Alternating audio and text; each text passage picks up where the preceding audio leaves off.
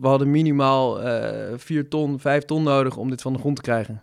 Maar en je hebt dus een miljoen op die Kickstarter gekregen met het Ja. doel wat 15k ja, was. het was binnen een jaar een miljoen. Dus we zijn een jaar lang gaan crowdfunden. Die eerste 40 dagen hebben we eh, bijna 4 ton opgehaald. En toen zijn we... Hoe, zit je dan, hoe zit je dan achter je laptop, zeg maar? Als jij denkt van, oké, ik ga 15.000 van Ja, die exemplaartjes. Dat ging wel door het dak heen. Het sloeg echt helemaal nergens op. We eh, hadden, je maar we hadden oprecht ook ook? tot die tijd hadden wij. Ik heb met mijn zusje eh, dat filmpje gemaakt met vrienden en vriendinnen uit Rotterdam.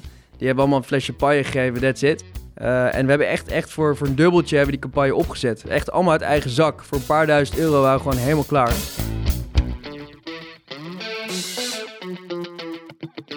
We maken deze podcast natuurlijk om te laten zien wat je allemaal in je studententijd kan doen naast je studie. Ehm, maar ja, de meesten die gaan studeren omdat ze dan later in ieder geval een goede baan kunnen hebben. Hè, om wat pecunia te verdienen. Maar hoe lekker is het eigenlijk als je dat met je eigen onderneming kan doen. Je eigen baas kan spelen. Vandaar dat wij hier vandaag Olivier Momma hebben uitgenodigd. Yes, Olivier, thanks, welkom. boys. Gezellig. Leuk dat je er bent. Ehm, Olivier, je ging op een gegeven moment op je 18e, 19e naar Rotterdam studeren. Ja, Wat was het plan? Eh, Rotterdam, ja, ik, eh, ik wilde een beetje de businesswereld in eigenlijk. Eh, niet per se ondernemen, maar ik wilde wel per se business studeren. Ik wist dat dat mij trok en ik was, ik was al een beetje bezig met ideetjes. Eh, ja, in Rotterdam, eh, Nederland, ik moest gewoon terug naar Nederland op een gegeven moment. Eh, Ja, vertel even, jij komt niet helemaal uit Nederland. Wat is een Nee. beetje jouw, eh, jouw verhaal? Nee, ik ben echt in het buitenland opgegroeid. Eh, om, om de vijf jaar verhuizen we naar een ander land. Dus ik ben echt, ik heb die, dat hele expat-traject eh, meegemaakt. Want, want jouw vader, die werkte... Ja, mijn pa die heeft zijn hele leven bij Heineken gewerkt. Ja. Tot, eh, tot op een zeker moment uit. Toen is hij zelf gaan ondernemen. Ja, dus die- elke keer werd hij eigenlijk voor Heineken in een ander land eh, gedropt. En Ja, jullie gingen precies. er als gezin eigenlijk eh, achteraan. Ja, dat is precies eh, hoe het ging. We werden echt eh, rondgestuurd onder vijf jaar. Dus het was wel, eh, wel gek, gekke jeugd. Maar wel ook eigenlijk in mijn ogen fantastisch. Dus waar ben, je, waar ben je allemaal geweest in die vijf jaren? Eh, we zijn begonnen wel in Amsterdam, waar ik geboren ben. Toen eh, naar Tokio. Toen naar eh Milaan. Toen weer naar Tokio. En een, de- een deel van die tijd in Yokohama ook in, in Japan gewoond. Toen zijn we naar Barcelona verhuisd. Eh, toen naar Nederland. Heb ik nog twee jaar middelbare school gedaan. En toen eh, in Amerika gaan studeren. Eerst naar Amerika. Ja, dus ja, Rotterdam ja. was eigenlijk het tweede station. Ja, ja, precies. En was het plan toen jij naar Amerika ging, ik blijf hier langer dan één jaar? Of was het echt een soort van tussenjaartje? het was, het was een, eh, echt een eenjarig ding. Het was een freshman year Fulbright scholarship. Ik, ik, was, ik was ook volgens mij... Was 17 toen ik daar aankwam. Dus ik was Want echt een jonge... Fulbright, dat is een eh, Dat is- beurs eigenlijk, ja, toch? ja, dat is best wel prestigieus, toch? Ja, dus jij hebt wel je best wel- gedaan op al die Ik heb wel, internationale echt, scholen. eh, heb wel echt een jaar moeten zwoegen om dat te krijgen. Eh, wel echt keihard gepusht door mijn ouders natuurlijk. Maar ik vond het uiteindelijk zelf, toen ik daar aankwam, echt fantastisch. Want wat trof je eraan? Ja, het was echt volle bak American Pie eh, leven. Ja? Dat is echt niet normaal. Gamma, gewoon- Delta, eh Nee, 100%. pizza, hè, gewoon? 100%. Ja? Want wij hebben hier een Harvard-student van tevoren eerst gehad, hè, Paddy. Nog eh, derde aflevering is dat. En Mm. die eh, deed Harvard Med, master. ja. Nou, die zei dat het was niet... eh, Dus weinig feest eigenlijk. weinig ja. wat je uit de films eh, kijkt. dus kreeg- top dat jij dit wel Nee, kan sowieso. Ik, ik kreeg een keuze ook. Ik mocht volgens mij uit 15 universiteiten kiezen. Nou, ik moest natuurlijk wel de meest prestigieuze kiezen. Maar on the side ook een beetje kijken naar hoe gezellig het daar was. En welke was dit dan Eh, en dit was dan eh, uit de beste universiteiten die ik kon kiezen, was dit de party school. Dus daar was ik wel een beetje, heb ik wel een beetje op uitgekozen. En hoe heet IUP deze eh, school voor, IUP de, heet het. voor de kiezer? Ja, IUP. IUP. Ja, IUP bij Pittsburgh. En het was echt, eh, ik kwam aan en het was gewoon, weet je wel, gewoon die dorms zoals je ze verwacht eh, uit de film. Gewoon En- co-ed douches. Precies. En, En, eh, ja, we hadden, het was iets, iets, iets meer luxe. Je had je echt wel een privékamertje en eigen badkamer. Dus dat was relaxed. Maar dat je de gang op ging en dat gewoon iedereen elkaar aan het pranken was. Je ging op straat op en je was de Dutch boy on campus. Dus je werd, je was gewoon, je werd echt herkend. Oh, het zijn weer de Dutchies. ja? En het kwam echt, je kwam bij elk feestje binnen. Was Maar had Waren er nog meer Nederlanders daar dan? of Ja, we waren volgens mij een groep van, met een groep van drie. Eh, ook mijn compagnon trouwens, Rick, die, eh, die dus nu ook met mij eh, Exter eh, doet. Ja? Waarmee ik heb over opgericht. Ja, mooi. Uh, maar wij hebben dat hele avontuur samen beleefd. We hebben elkaar daar ook uh, ontmoet. Uh, dus dat was wel mooi om dat samen mee te maken. Had nog één andere Nederlander. En wij liepen daar echt op campus, liepen daar rond als 17-jarige pikkies, alsof we de baas waren. Omdat je gewoon als Nederlander kwam je overal zomaar binnen. Je kwam uh, bij, die, bij die frat houses, was altijd ongeveer 80% chicks, 20% gasten. Maar jullie kwamen daar wel binnen omdat jullie, eh, weet ik veel, schattig eh, Nederlands accent hadden of zo? Ja, we, Eh, het wa- we waren drie, eh, weet je, blonde en kleine Nederlandse mannetjes. En dat accent hielp wel mee, maar op een gegeven moment wist iedereen dat wij de Dutchies waren. En dat is, dat is zo exotisch voor die mensen. want er zaten verder alleen maar Amerikanen of Wij, zo? wij zaten in het dorm met alle internationals, Ja. maar omdat er te weinig internationals waren, was die helemaal opgevuld ook met Amerikanen. Dus ik denk dat er iets van 300, 400 internationals waren Ja. Eh, op een school van 30.000 man of zo. Ja, Dus we waren, dat, dan ging dat best wel hard. Ja. Weet je, dat liep best wel snel. En op een gegeven moment, ja, dan, dan, dan heb je een naam voor jezelf gecreëerd als buitenlander. En dan ben je gewoon overal waar je aanklopt. eh, Maar hoe creëerden jullie die naam dan? Door ook allemaal gek mee te doen aan die pranks? eh, of... stiekem wel. Ik bedoel, je, je, kreeg, je kreeg overal een joint in je mond geduwd. En dan moest je natuurlijk gaan bewijzen dat je Nederlands was. Dus het was echt... dat is gelukt. ja, dat is wel, wel gelukt. Op een gegeven moment hadden we dus gewoon bij elke frat hadden we een paar gasten die we kenden. En dan konden we gewoon kiezen. Terwijl normaal gesproken sta je drie uur in de rij en dan kom je als gast meestal niet eens binnen. Dus dat was Maar je wel dacht echt, niet eh, aan het eind van het jaar eh, misschien toch maar in Amerika blijven. Het was wel, het plan was wel echt wel top, gewoon- ja. Ja, terug, nee, qua levensstijl top. eh, maar het was eigenlijk, ja, het was surreal. Gewoon. Het, was niet, het, wa- het was niet realistisch, dat leven wat we daar leiden. Want het was, ik vond sowieso het niveau van, van de universiteit lag heel laag. Alles wat ik daar deed, had ik al drie jaar geleden gehad met IB op school. Dus dat, dat vond ik al best wel... eh, ik kon zelfs kiezen om eh, military studies te doen. Dan ga je gewoon paintballen de hele dag. Ik was echt, je, kon echt, je kon letterlijk, je kon snowboarding als klas. Het is wel echt nemen. goede reclame meteen voor eh, Pittsburgh, hè? Ja, sowieso. ja, überhaupt denk ik voor al die Amerikaanse ja, ik, kijk, eh, je kan, ik denk dat je ongetwijfeld ook, je kan natuurlijk ook derdejaarsvak volgen en dat is allemaal wel op niveau. Maar als je een freshman year course gaat pakken, dan, dan zijn wij al drie stappen vooruit eh, op, op al die Amerikanen. Want het, het systeem door de daar- middelbare school ja, hier. Ja, ja. En, en eh, IB. maar je zou het wel aanraden als ik het zo hoor. Zeker. Ik denk het is voor je internationale uitbreiding en, en eh, ja, kennis ook van andere culturen en, en mensen leren kennen en, sowieso, weet je wel, in je Engels werken, dat is echt fantastisch. Je wordt in één klap volwassen. Weet je wel, je moet zelf het, met je eigen budget omgaan. Je moet voor jezelf eten fixen. Ja, dat leren we allemaal in Rotterdam, maar dan kom je ook eigenlijk in een warm bad, in een huis waar, waar mensen je een beetje meetrekken. Ja. Hier doe je het helemaal alleen. Dus eh, ik, ik werd, kwam wel echt veranderd terug. Ik kwam Een stukje uiteindelijk- volwassen worden ook. ja, je komt wel echt, eh, ja, zogenaamd als een man eh, kom je hier thuis. Ja, precies. Bij de Ja. frat houses ook. Ja. Met een beetje hulp dan, Ja. van die gasten. Oké, en toen dus, eh, nou ja, gezegd van, eh, dit is het niet in ieder geval voor langere termijn. Ja, ja ik had een keuze om te blijven. En ik weet nog dat ik eh, echt zwaar aan het overwegen was. Maar dat ik wel terugdacht aan de verhalen die mijn ouders me hadden verteld over hoe hun studententijd was in Leiden. En dat vond ik gewoon zo mooi, hoe dat klonk. Die hadden je toch een beetje geïndoctrineerd met het Nederlandse studentenleven. Ja, Van, stiekem wel. En ik wist ook, kijk, ik keek ook naar, naar hun eh netwerk, vriendengroep. En op die leeftijd had ik, had ik ook wel door wat ik eraan zou hebben. En dat ik dat in Amerika niet zou gaan vinden. In ieder geval niet bij IUP. Met, bij Harvard zou je dat ongetwijfeld wel vinden. Maar niet, eh, ja, dan moet je echt Ivy League gaan. Ja, en toen eh kwam je dus terug. Toen heb je in ieder geval eh IBA gekozen in Rotterdam, internationale bedrijfskunde. Met het oog op dat je je pa achterna wilde. Een beetje wel. Ik heb wel altijd in mijn achterhoofd gehad van... ik ga nu business studeren en ik wil een expat worden. eh, en dan, weet je, waar ik ga werken boeit me nog niet heel veel... maar ik wil gewoon de wereld over reizen. En ik wil die ervaring ook aan mijn kinderen geven. Dat dacht ik wel een beetje toen.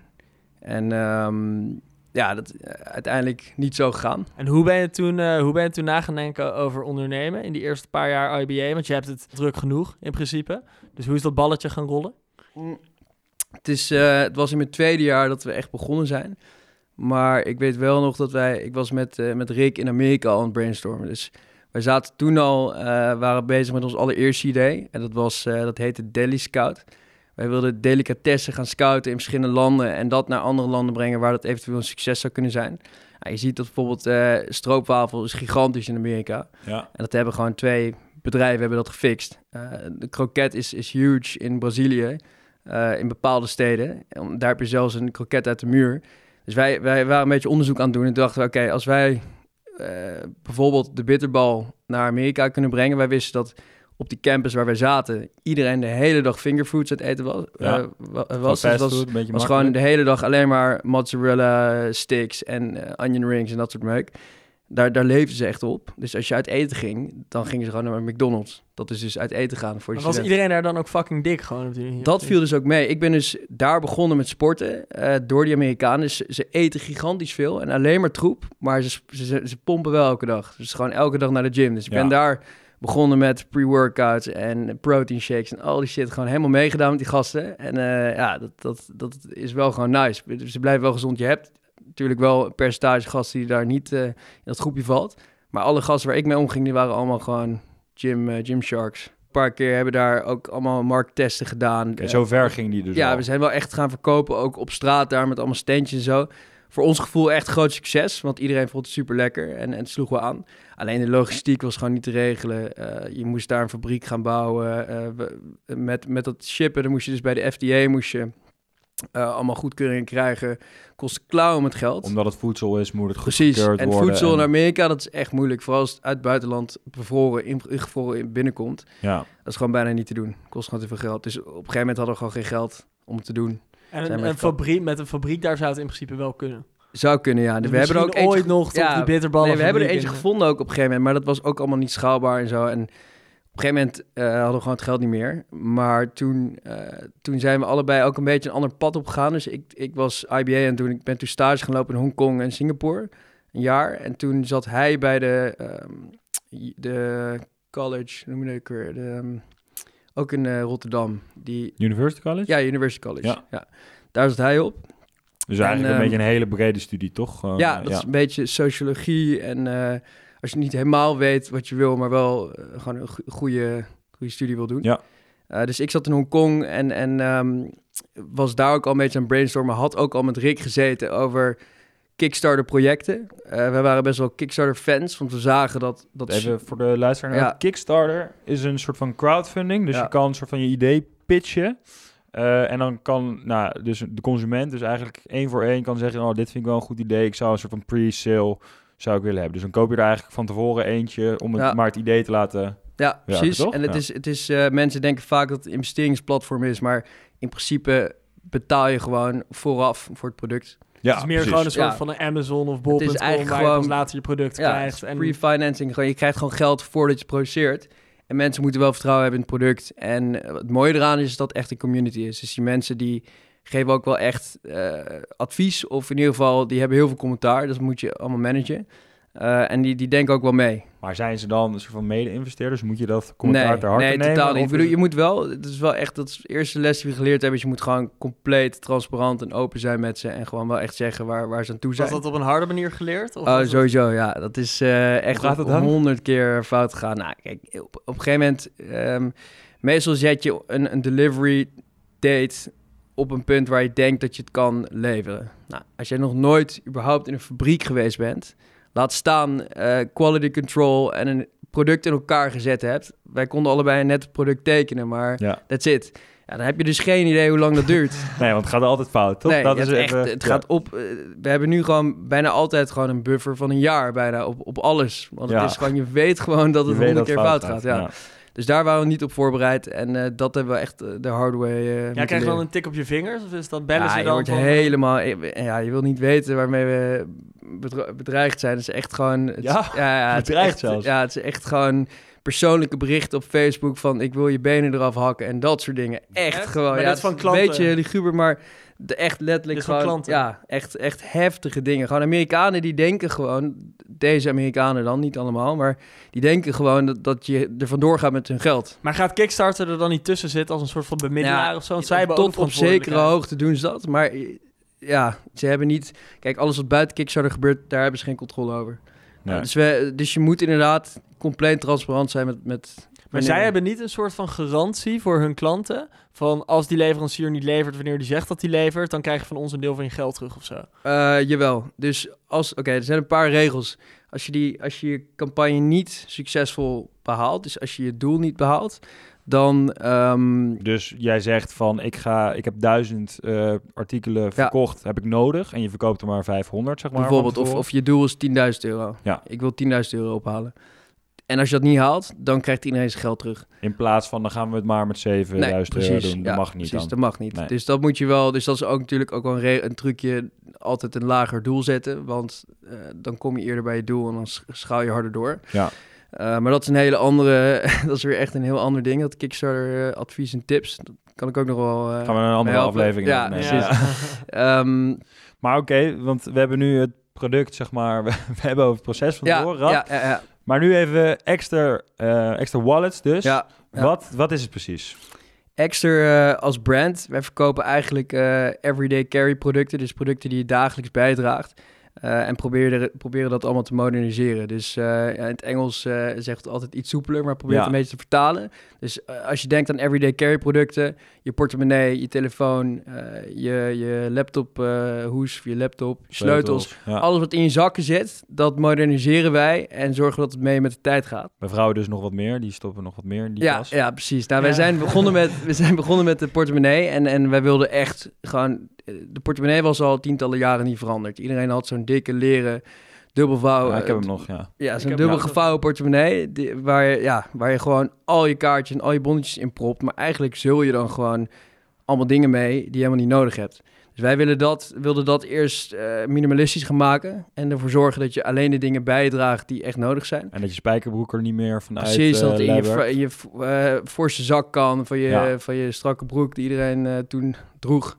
Skinny Eh, jeans. precies. Skinny jeans. Ehm, dat was natuurlijk een vereiste, maar ook eh, dat de portemonnees nog steeds zo vaak gejat werden. En dat het portemonnee is een van de meest kwijtgeraakte objecten eh, ter wereld. Echt Mensen laten ja. altijd een portemonnee ergens achter of, of sleutels. Ehm, dus daar wilden we ook iets op, op gaan verzinnen. En was dat ge- wat is dat eh, geworden uiteindelijk? Ja, uiteindelijk is dat een, ehm, een tracker geworden. Eh, die werkt eh, in eerste instantie op Bluetooth. Dus dat je als je hem achterlaat, dat je precies weet waar je hem hebt achtergelaten. En dat je melding krijgt als je wegloopt voor je portemonnee. Dus als je hem in de kroeg achterlaat, dan, dan weet je meteen, je loopt de deur uit, weet je meteen dat hij daar ligt. Eh, maar ook over de jaren heen is dat uitgebreid naar een, een crowdsourcing eh, netwerk wereldwijd. En is het echt puur functioneel nu? Dus je hebt, oké, het is heel modern, het is niet meer zo'n dik leren ding. Ja. Je kan hem tracken, zo goed en zo kwaad als dat zeg maar functioneel mogelijk is. Ja. Maar zitten jullie nu ook heel erg op design en zo te kijken? Of is het echt vooral, oké, we willen een handig merk? Ja, het was vanaf moment één ook echt design. Ehm, we hebben natuurlijk eh, dat kaartmechanisme waardoor je in één keer je kaarten eruit eh, schiet. Dat is in Nederland al best bekend. Ja. Maar in Amerika kent niemand dat. En eh, wij zijn daar de first mover geweest. Waardoor we nu gewoon echt gigantisch marktaandeel hebben kunnen krijgen daar. Ja, en dus eigenlijk de nummer, dat niemand kent dat. 2016. Dus wij zijn daar gewoon, we zijn daar op alle televisiezenders geweest met, weet je wel, what is this magic wallet? Gewoon, wat is dit voor, voor, voor mockery, voor wat- magic? wat kost zo'n ding daar dan? eh, dat kost tussen de, nu tussen de 50 en de 120 dollar. Eh, je kan zo gek maken als je zelf wilt. Het is wel prijziger dan een, eh, een HEMA-portemonnee bij wijze van Ja. spreken. Maar het is ook Ja. geen high-end fashion of ja, zo. nee, we hebben toevallig net echt, echt wel een, een, een instapmodelletje gereleased. eh, zonder leer. Dus echt puur aluminium. Ja, Ehm, en die gaat, die echt gaat echt keihard. Het is gewoon nu op dit moment echt een bestseller. Ehm, en die is wat goedkoper. Ja. Dus dat is wel ook makkelijker voor mensen om in te stappen. En gaat die dan ook specifiek hard in Amerika? Hoe, zeg maar, waar zitten jullie vooral? We zitten echt, echt vooral in Amerika. Ja, wel. Dus eh, dat is toen met Kickstarter gegaan. Eh, op een gegeven moment bouw je daar een klantenbestand op. Dat waren 10.000 mensen. Eerste jaar een miljoen opgehaald. En toen eh, hebben we dat klantenbestand kunnen uitbreiden met de Facebook ads. met lookalike audiences. Dat betekent dus eigenlijk dat je dus je klantenbestand kopieert. Van Kickstarter? Ja, die Ja. kopieer je naar Facebook toe. Die pakt dan alle mensen die daarop Daar lijken. Die hebben natuurlijk al die datapunten op iedereen. En dan ga je dat zo uitbreiden. Nou, hoe meer je dat doet, hoe meer je in diezelfde markt gaat uitbreiden. Ja. Dus dat is toen eh, helemaal losgegaan. Maar het doel bij lekker. Kickstarter was dus ook 10.000. Of heb je Nee, een miljoen deel? hoor. Maar Ehm, 10.000 nee, nee, nee. mensen. Oh. Het, doel, het doel was, volgens mij hebben we het doel op 15.000 dollar gezet. Maar eh, heel eerlijk, ik denk dat we daar hadden we net, weet je wel, dat, daar hadden we echt bij lange redden. na niks mee kunnen doen. Gewoon mee, niks, niks, die productie niet kunnen maken. Want het was echt, eh, we hadden minimaal eh 4 ton, 5 ton nodig om dit van de grond te krijgen. Maar en, je hebt dus een miljoen op die Kickstarter gekregen met het Ja. doel wat 15k Ja, het was. was binnen een jaar een miljoen. Dus we zijn een jaar lang gaan crowdfunden. Die eerste 40 dagen hebben we eh, bijna 4 ton opgehaald. En toen zijn we... Hoe, zit je dan, hoe zit je dan achter je laptop, zeg maar? Als jij denkt van, oké, ik ga 15.000 van Ja, die exemplaartjes. Dat ging wel door het dak heen. Het sloeg echt helemaal nergens Dit, op. Hadden, maar we hadden oprecht ook ook? tot die tijd hadden wij. Ik heb met mijn zusje eh, dat filmpje gemaakt met vrienden en vriendinnen uit Rotterdam. Die hebben allemaal een flesje paille gegeven. That's it, weet je wel. Eh, het was Voor de gewoon- Kickstarter. dus voor de Kickstarter. Van tevoren, ja. Dus om echt, echt dat filmpje te maken, daar gaat het echt om. Op Kickstarter, je moet echt een goed reclamefilmpje hebben. Eh, en we hebben echt, echt voor, voor een dubbeltje hebben die campagne opgezet. Echt allemaal uit eigen zak. Voor een paar duizend euro waren we gewoon helemaal klaar. Op een gegeven moment, na 40 dagen, krijg je gewoon 4 ton op je rekening gestort. En dan zit je daar echt van, oké, er zitten nu 10.000, er zitten nu 5.000 mensen te wachten En toen? op een product wat ik Ja. gaan uitbrengen. Ja, dat was echt, was wel echt, het was knijpen, maar het was ook echt gewoon Maar fantastisch. had je dus ook nog eh, het idee, eh, je had wel al bedacht van, joh, dan zouden we wel eens naar die fabriek kunnen gaan en dit, dit systeem werkt op deze manier. Sowieso, zeg maar. ja. We hebben toen wel natuurlijk eh, voor die campagne al zijn we bezig geweest met, met productdesign, eh 3D-modellen, fabrieken contact, maar vooral in Nederland. Wij dachten dus nog echt als naïeve Nederlandse mannetjes dat we dat gewoon lekker, eh, weet je wel, thuis Hier konden gaan maken. ja. Gewoon hier een fabriek ging, eh, gaan zoeken en eh, toen kwamen al snel genoeg achter dat alleen al de materialen gewoon al tien keer zo duur zijn hier in Nederland. Eh, en, en dan de lead time, hoe lang het duurt om te produceren, dat, dat is ook al tien keer zo lang. Dus dat ging ook al gewoon meteen al niet lukken. Weeg je niet op tegen de contacten die je hebt, zeg maar. Dat het Ja, eh, dus even makkelijker komen is. kijken in de fabriek hoe Ja. eigenlijk Ja, gaat dus ik dacht inderdaad dat eh, volle controle, eh, zo gaan we doen. Eh, maar toen eh, zijn we dus toch heel snel in, in China beland. Ehm, we zijn, volgens mij, eh, we zijn echt begonnen op Alibaba, een beetje rondkijken. Hebben ook ons eigen netwerk gebruikt van mensen die, die ik nog van vroeger kende, via onze ouders. En eh, overal met je lijntjes uitgegooid. En toen eh, kwamen we al heel snel bij een paar mensen die interesse hadden. Eh, en ja, als je, als je dat bedrag hebt opgehaald, dan, dan ligt het wel echt voor het oprapen allemaal. Dus eh, je krijgt ook elke dag een e-mail van een fulfillment partij of een, een fabriek of Want iemand die iets van je hebben wil. dat dan gezien op de Kickstarter. Ja, dus het is een hele business, is om te kijken naar wat zijn de meest succesvolle Kickstarter-campagnes en wat kunnen we uit deze naïeve business eh, beginning entrepreneurs gaan halen. Want die gasten hebben natuurlijk geen idee. En dan krijg je de, de meest belachelijke pitch naar je hoofd, weet je eh, van links en rechts. Waar ze misschien wel de prijzen juist super hoog gooien. Ja, van alles. Niet eens alleen kijken. productie, hè. want Iedereen wil wat van je. Ze willen Ja. meteen... Een eh, podcast opnemen. Je social... Ja. ja, niet op die manier, maar ze willen meteen je social media gaan doen. Ze willen meteen je Facebook ads gaan doen. Ze, ze, iedereen ziet kansen. Ja. Eh, en, en ze zien ook dat je naïef bent en, en, en dat je er niks van af weet. En dat je zomaar ja kan zeggen. Maar hoe ga je zo'n fabriek kiezen? dan? Want ik, ik heb dat altijd heel boeiend gevonden. Als ik een ondernemer denk, en heel veel mensen die aan ondernemer denken, die denken aan komen met een idee. Dan heb je het uitwerken van dat idee. Maar Ja. dan het maken van een product. Ja. Zeg maar waar vind jij een goede fabriek? Of, of Ja. hoe test jij het ook? Want stel, jij had natuurlijk tijdsdruk. Eh, dat product moest uiteindelijk klaar liggen. Hoe kun jij na een maandje een ding testen weten dat het het over twee of drie maanden nog steeds doet? En hoe, hoe, hoe maak je een soort risicoanalyse daarvan? Ja, dat zijn inderdaad dat zijn echt de grote vraagstukken als je begint. Eh, ik denk sowieso stap 1, hoe vind je een fabriek? Eh, je moet altijd kijken of je mutual contacts dus of via via kan regelen. Dat je gewoon iemand hebt. En, en een goede manier om dit te doen, zijn we eigenlijk pas later achtergekomen, is gewoon bedrijf benaderen. Ehm, en kijken waar zij dingen produceren. Als zij dat niet willen zeggen, dan ga je eerst naar de fabriek toe en dan kijk je wat zij zogenaamd daar maken. Dus bij elke fabriek waar je aankomt in China liggen dingen van Sony en van Dell en van eh, ne- nog net niet Apple, maar Hyun, eh, weet ik veel wat, eh, allemaal verschillende merken. Ja. En dan zeggen ze dat ze dat produceren. Nou, dat, dat, dat kan je dan dubbel checken met die merken. En ja, soms, soms geven ze antwoord. En dan kan je navragen van wat is jullie ervaring met deze fabriek. Ja. Maar daar zijn we pas later achter gekomen. Aan het begin zijn we gewoon op Alibaba gaan kijken. En dat is een... dat is, Maar dan heb je het bijna echt over naar China vliegen om daar te checken van... Ja, dus, dus daarna, de volgende stap wat je zei, dus hoe zorg je dat die producten inderdaad goed zijn en hoe weet je dat de kwaliteit klopt en hoe ga je dat hele proces in? Nou, dat is, het is een, een groot avontuur. We kwamen daar aan op het vliegveld en werden opgehaald in de allerdikste, getunede, geblindeerde Audi. De deuren gingen over, open. ja, die wilde wat van Ja, je. de deuren gingen open en er kwamen gewoon schijnwerpers uit de deur op de grond. Die logo's gewoon en namen en zo op de grond eh, schenen. En wij zaten daar echt als... Wij waren allebei, wat waren we, 22? We dachten echt van, shit, wat, eh, weet je wel, waar komen we nu terecht? Dus wij werden, we werden helemaal ingepakt door die mensen. Eh na uren rijden naar de fabriek en dan was het weer net niet in, in de stad waar ze zeiden dat het was. En dan kom je in een, een of ander aftansfabriekje ergens Ja, terecht. ja. Ja, en, en dan eh, moet je het gewoon maar gaan regelen. En we hadden wel natuurlijk gezorgd dat de mensen waarmee we werkten Engels spraken, want dat is stap nummer één. Eh, wel een leuke anekdote is dat ehm, op een gegeven moment hoorden we via via dat, dat er in die auto's waar, waar je opgehaald wordt, dat daar microfoontjes zitten eh, waarmee ze je opnemen. Dus ehm, en, en wat ze dan doen. Begin het spelletje meteen. Ja, dus Ja. vooral als je van fabriek naar fabriek rijdt. Wij moesten dan van de, van de aluminiumfabriek naar de leerfabriek. Dan gingen ze dus opnemen wat je aan het zeggen was over de negotiations En dan, in het eh, Nederlands. En dat werd dan snel naar een Nederlander gestuurd die Chinees spreekt. Werd vertaald. En dan wisten ze eigenlijk al wat je ging zeggen voordat je aankwam. Dus je wordt gewoon helemaal uitgespeeld Ziek daar. eigenlijk hoor. Ja, Maar dat je wist hebt je al daar wel van tevoren. Nee, dat wisten we nog niet. Nee, we, hebben, echt, we hebben echt- letterlijk al deze dingen gewoon allemaal de hard way geleerd. Echt letterlijk allemaal. En eh, nou, de hard way, waar zijn jullie dan het meest mee op je bek gegaan? de eerste generatie wel. Wij zijn nog steeds verbaasd dat we na die productierun...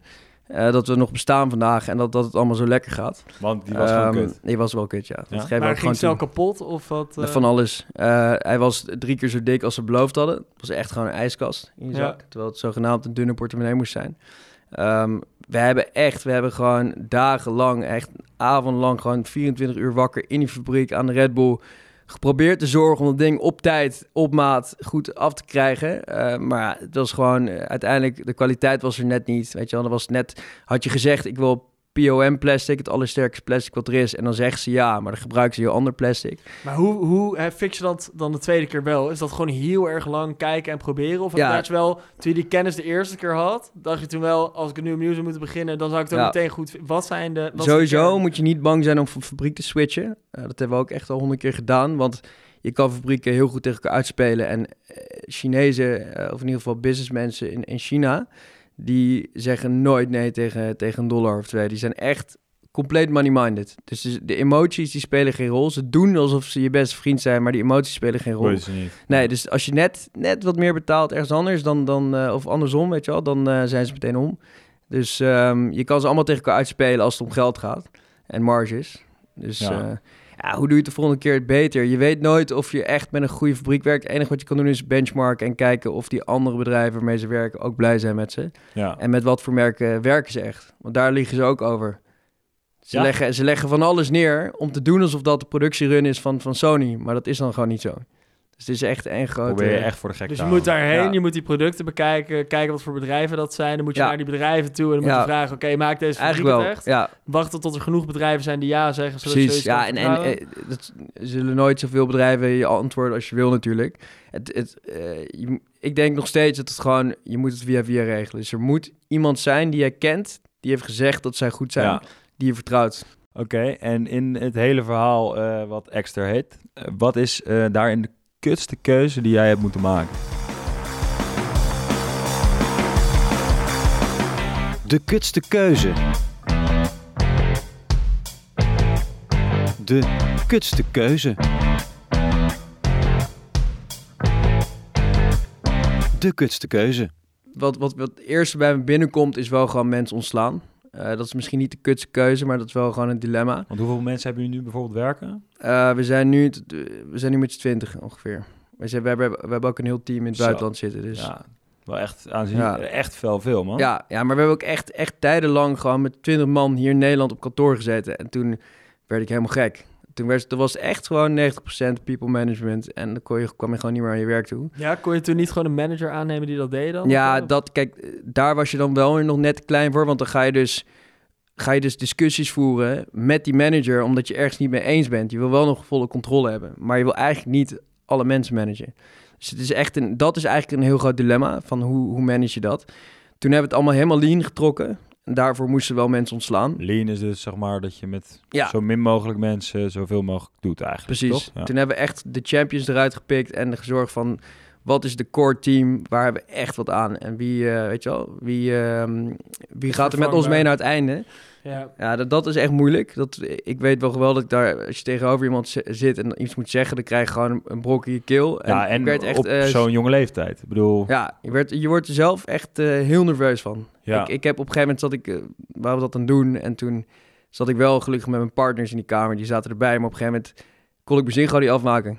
Dus ik keek zo naar rechts en ik soort van, neem het even over.